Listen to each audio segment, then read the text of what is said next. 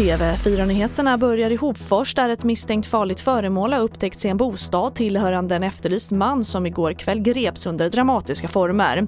Det internationella bombskyddet har kallats in och insatsstyrkan är på plats. Och polisen har valt att utrymma ett 30-tal fastigheter runt omkring bostaden i en radie på 150 meter. Och Postnord kommer att höja deklarationsavgiften för e-handel från länder utanför EU, till exempel Kina, när den nya kemikalieskatten på kläder och skor träder i kraft år 2022. Det rapporterar SR. Avgiften kan hamna runt 200 lappen jämfört med dagens 75 kronor.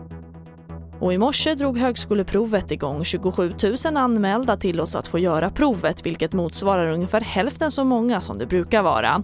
Och det har varit många turer kring om det är säkert att köra provet och sen beslutet togs har smittspridningen tagit fart igen.